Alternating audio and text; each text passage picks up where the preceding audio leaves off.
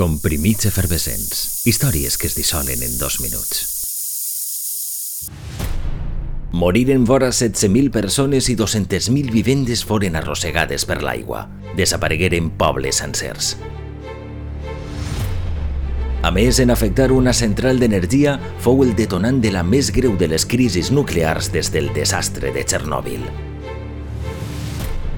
Un 11 de març, un terratrèmol a 100 quilòmetres de la costa del Japó va causar una de les pitjors catàstrofes de l'última dècada.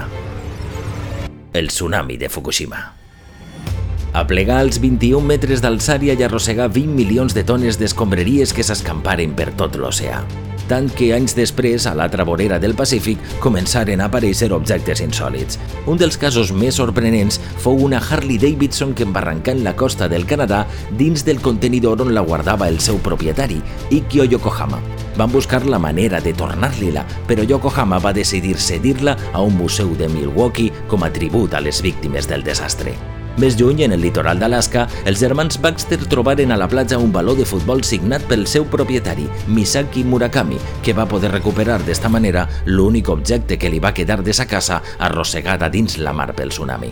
No obstant, l'objecte més gran trobat va ser tot un pesquer que navegava a la deriva per una via comercial prop de la costa oest del Canadà. Tres exemples de les curioses troballes que encara avui es fan cada dia sis anys després d'aquell 11 de març de 2011.